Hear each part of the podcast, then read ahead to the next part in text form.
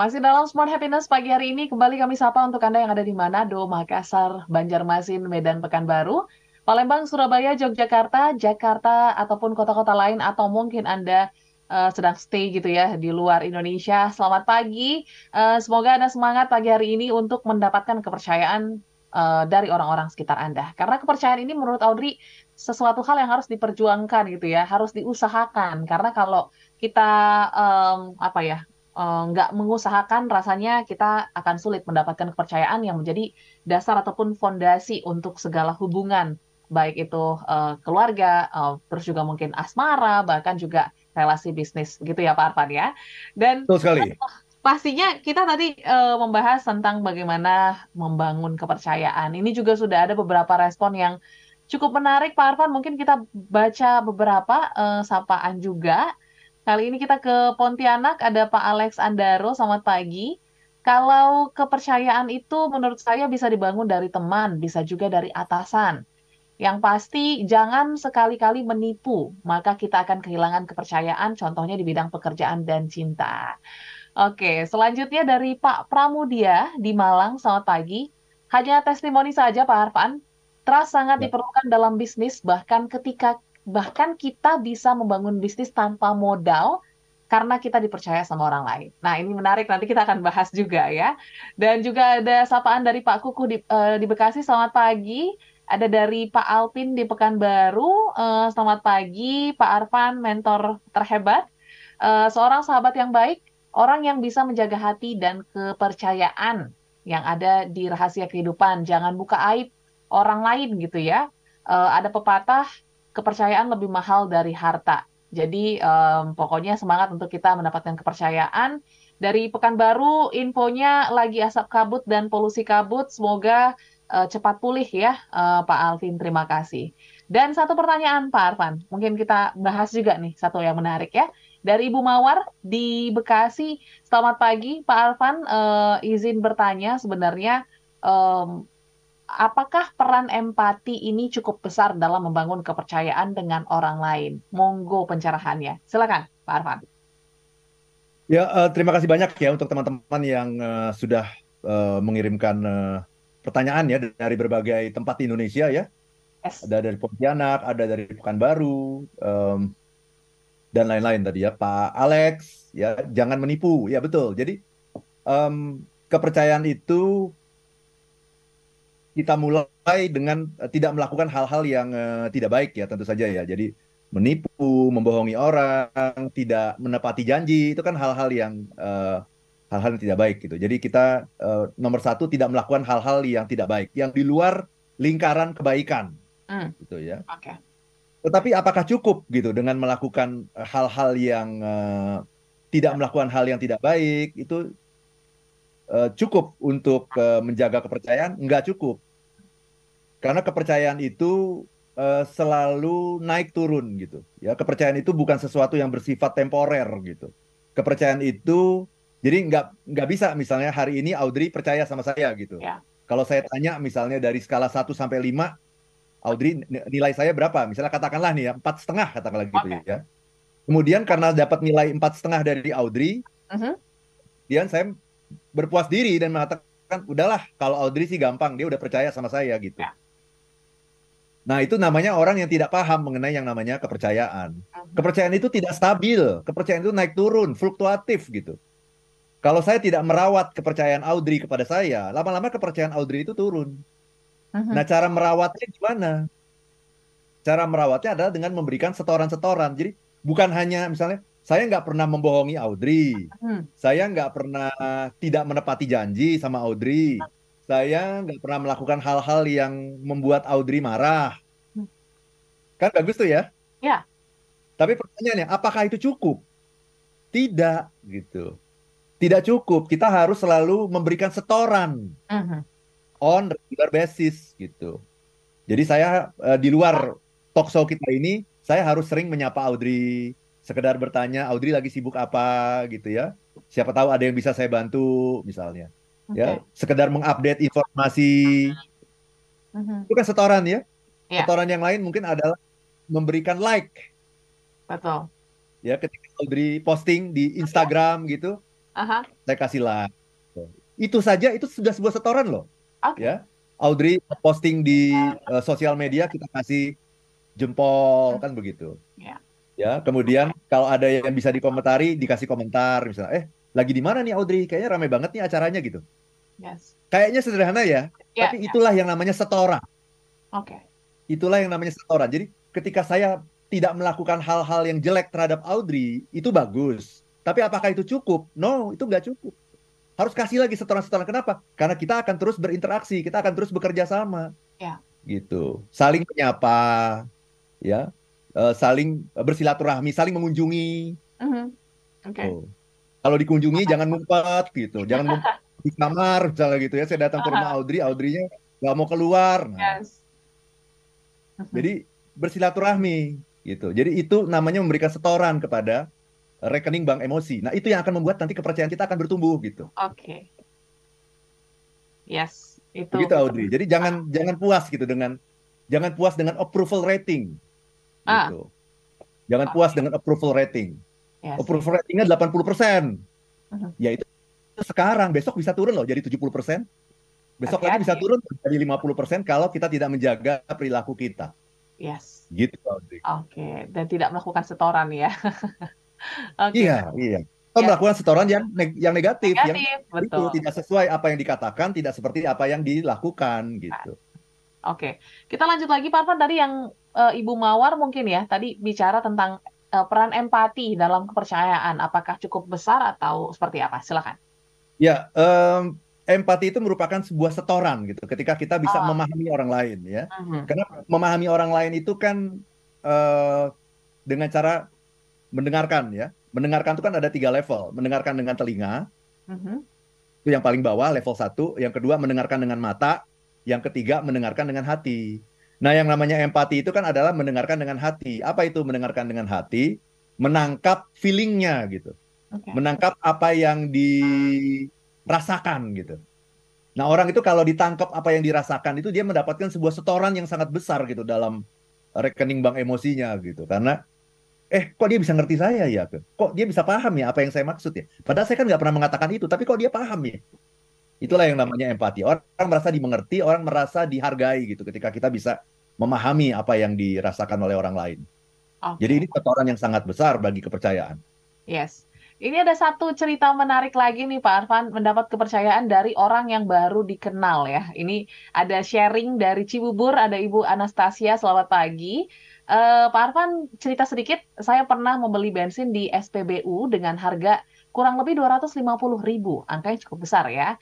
Em, kebetulan uangnya kurang dan saya minta waktu untuk mengambil uang di ATM, tapi ATM-nya tidak ada di sekitar SPBU tersebut. Jadi ibu ini eh, mencoba untuk menitipkan SIM sebagai jaminan gitu ya eh, kepada petugas SPBU, tapi ternyata ditolak, em, dikembalikan gitu kepada sang ibu dan mempersilahkan untuk mengambil uang di ATM. Padahal ATM tidak ada di sekitar situ, jadi ibu ini terheran-heran gitu ya, kok dia bisa percaya banget gitu sama saya. Singkat cerita, eh, segera kembali ibu ini ke SPBU tersebut dan menyerahkan kekurangannya dan mengucapkan terima kasih setelah mendapatkan uang dari ATM terdekat. Ini jadi tanda tanya juga Pak Arfan. Kan tadi kita bilang bangun eh, bank emosi gitu ya, ataupun rekening emosi. Ini kita belum ketemu tapi kok bisa dapat kepercayaan itu sebenarnya sinyal-sinyal tadi kah atau seperti apa? Silakan. Ya, mungkin eh, petugas di eh, pom bensin itu melihat ibu, oh ibu ini terpercaya gitu dari apa yang dipikirkan kan vibrasinya itu kan yang dilihat Iya. orang kan pikiran, pikiran, perkataan, perbuatan. Perbuatannya bagus, oke. Mhm. Perbuatan kan bisa kita bisa kita citrakan gitu. Yang namanya kata-kata kan janji. Nanti saya balik ya. Ini ini nggak ada ini nih nggak ada eh, ATM nih. Nan- Nanti saya pergi dulu ya. Nanti saya balik ya gitu.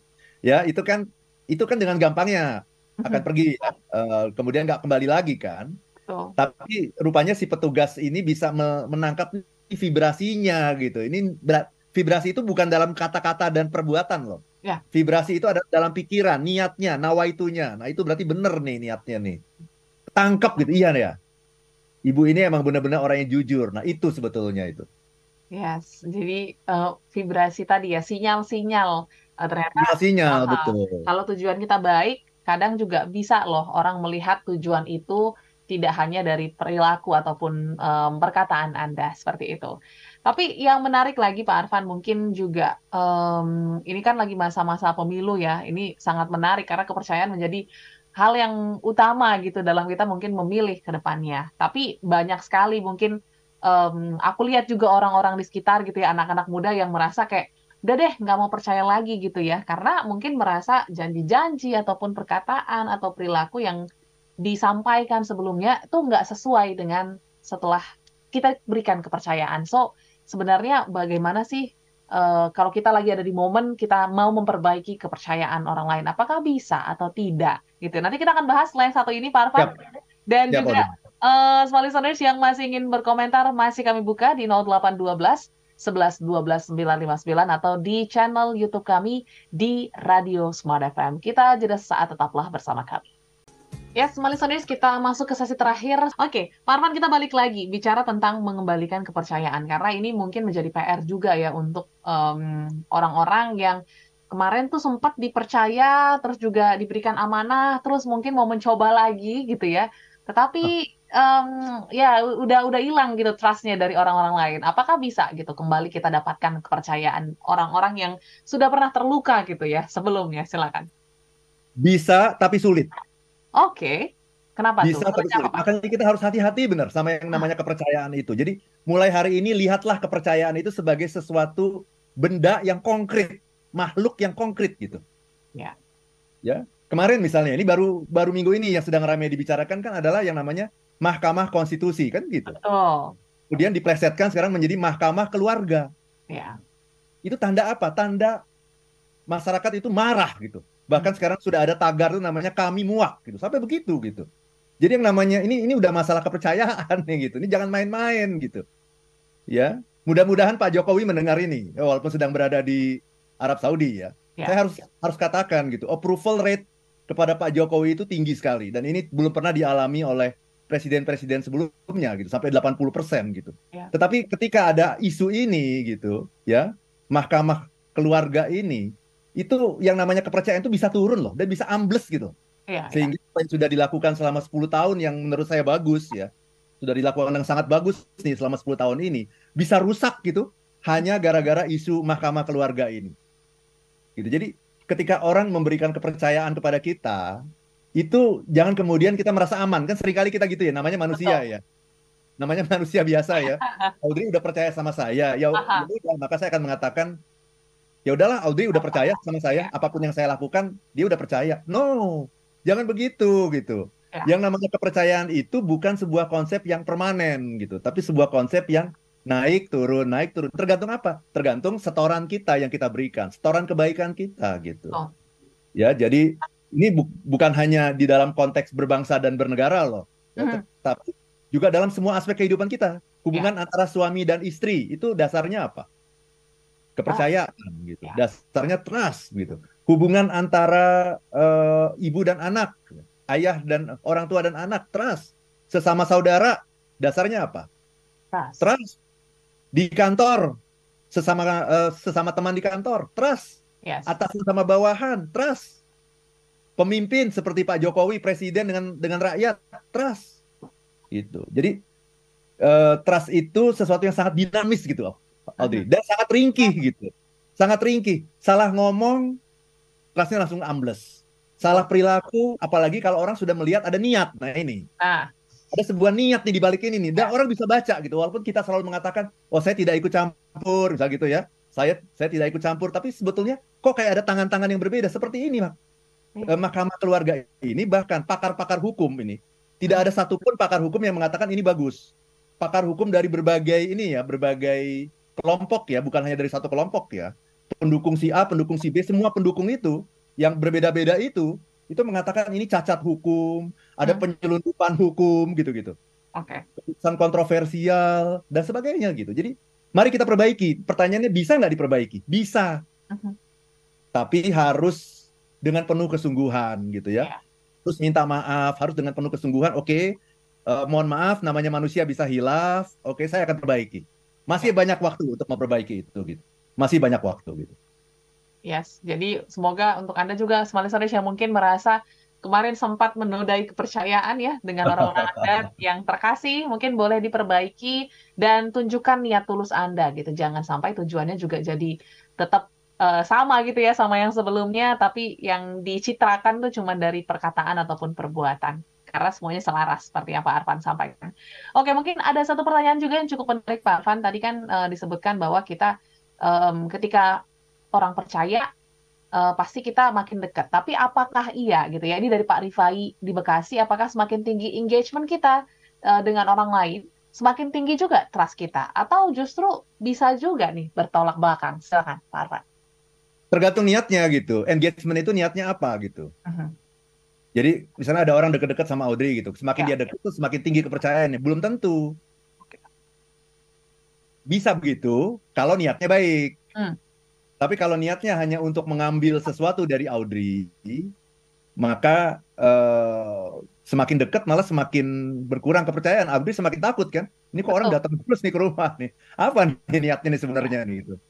Ya, pada akhirnya uh, Audrey tidak akan merasa nyaman gitu kalau uh, kedekatan itu tidak didasari oleh sebuah niat yang baik gitu. Niat untuk niat yang baik itu apa sih gitu ya? Niat yang baik itu adalah niat untuk kepentingan orang lain, bukan niat untuk kepentingan sendiri.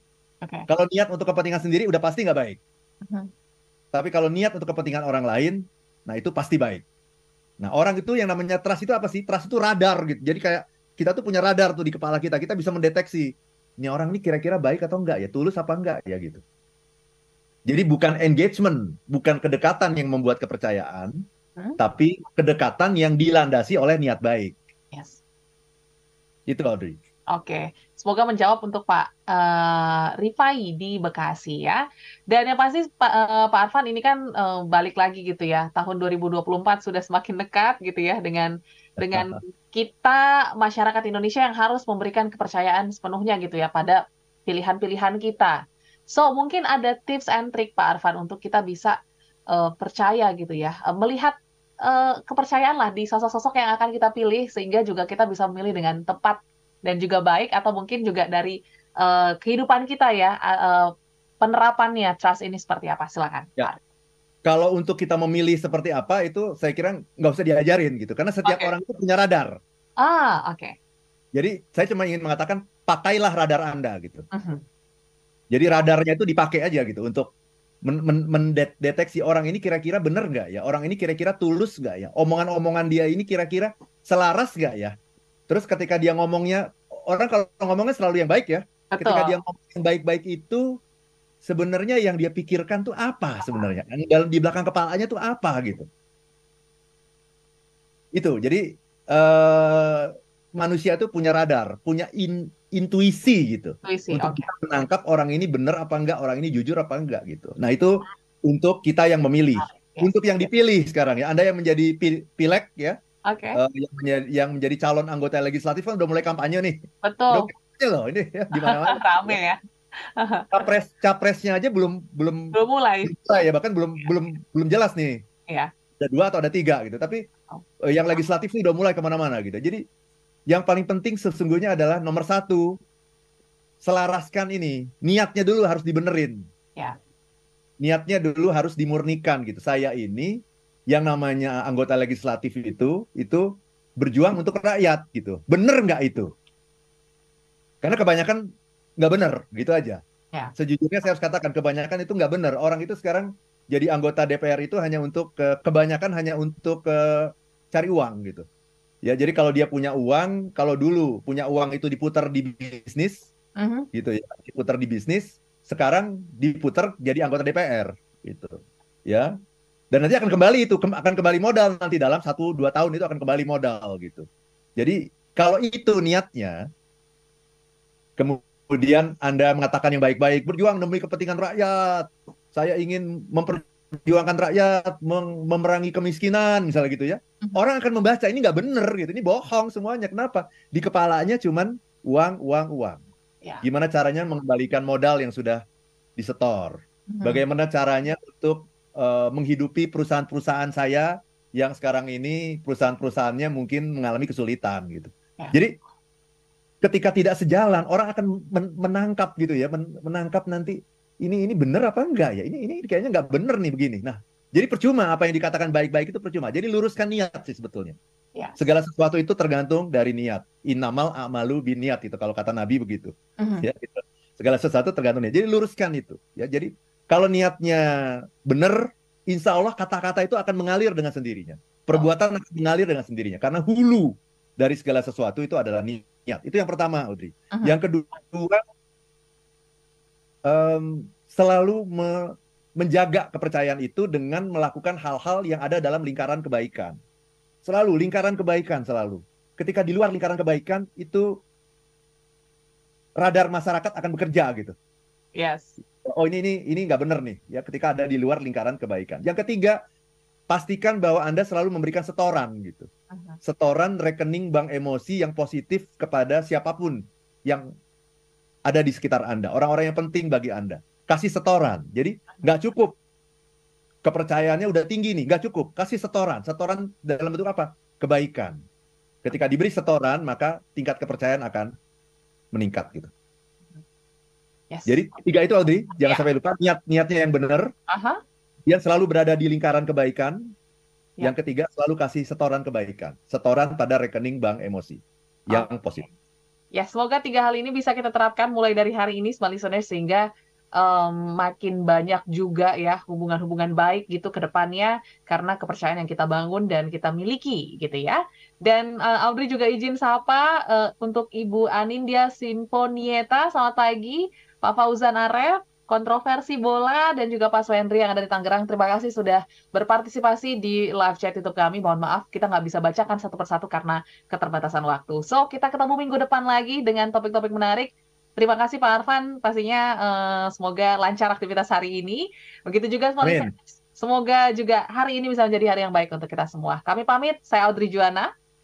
Dan saya Arfan Pradiansyah. If you wanna be happy, be happy, be happy, be happy now. Now, sampai jumpa.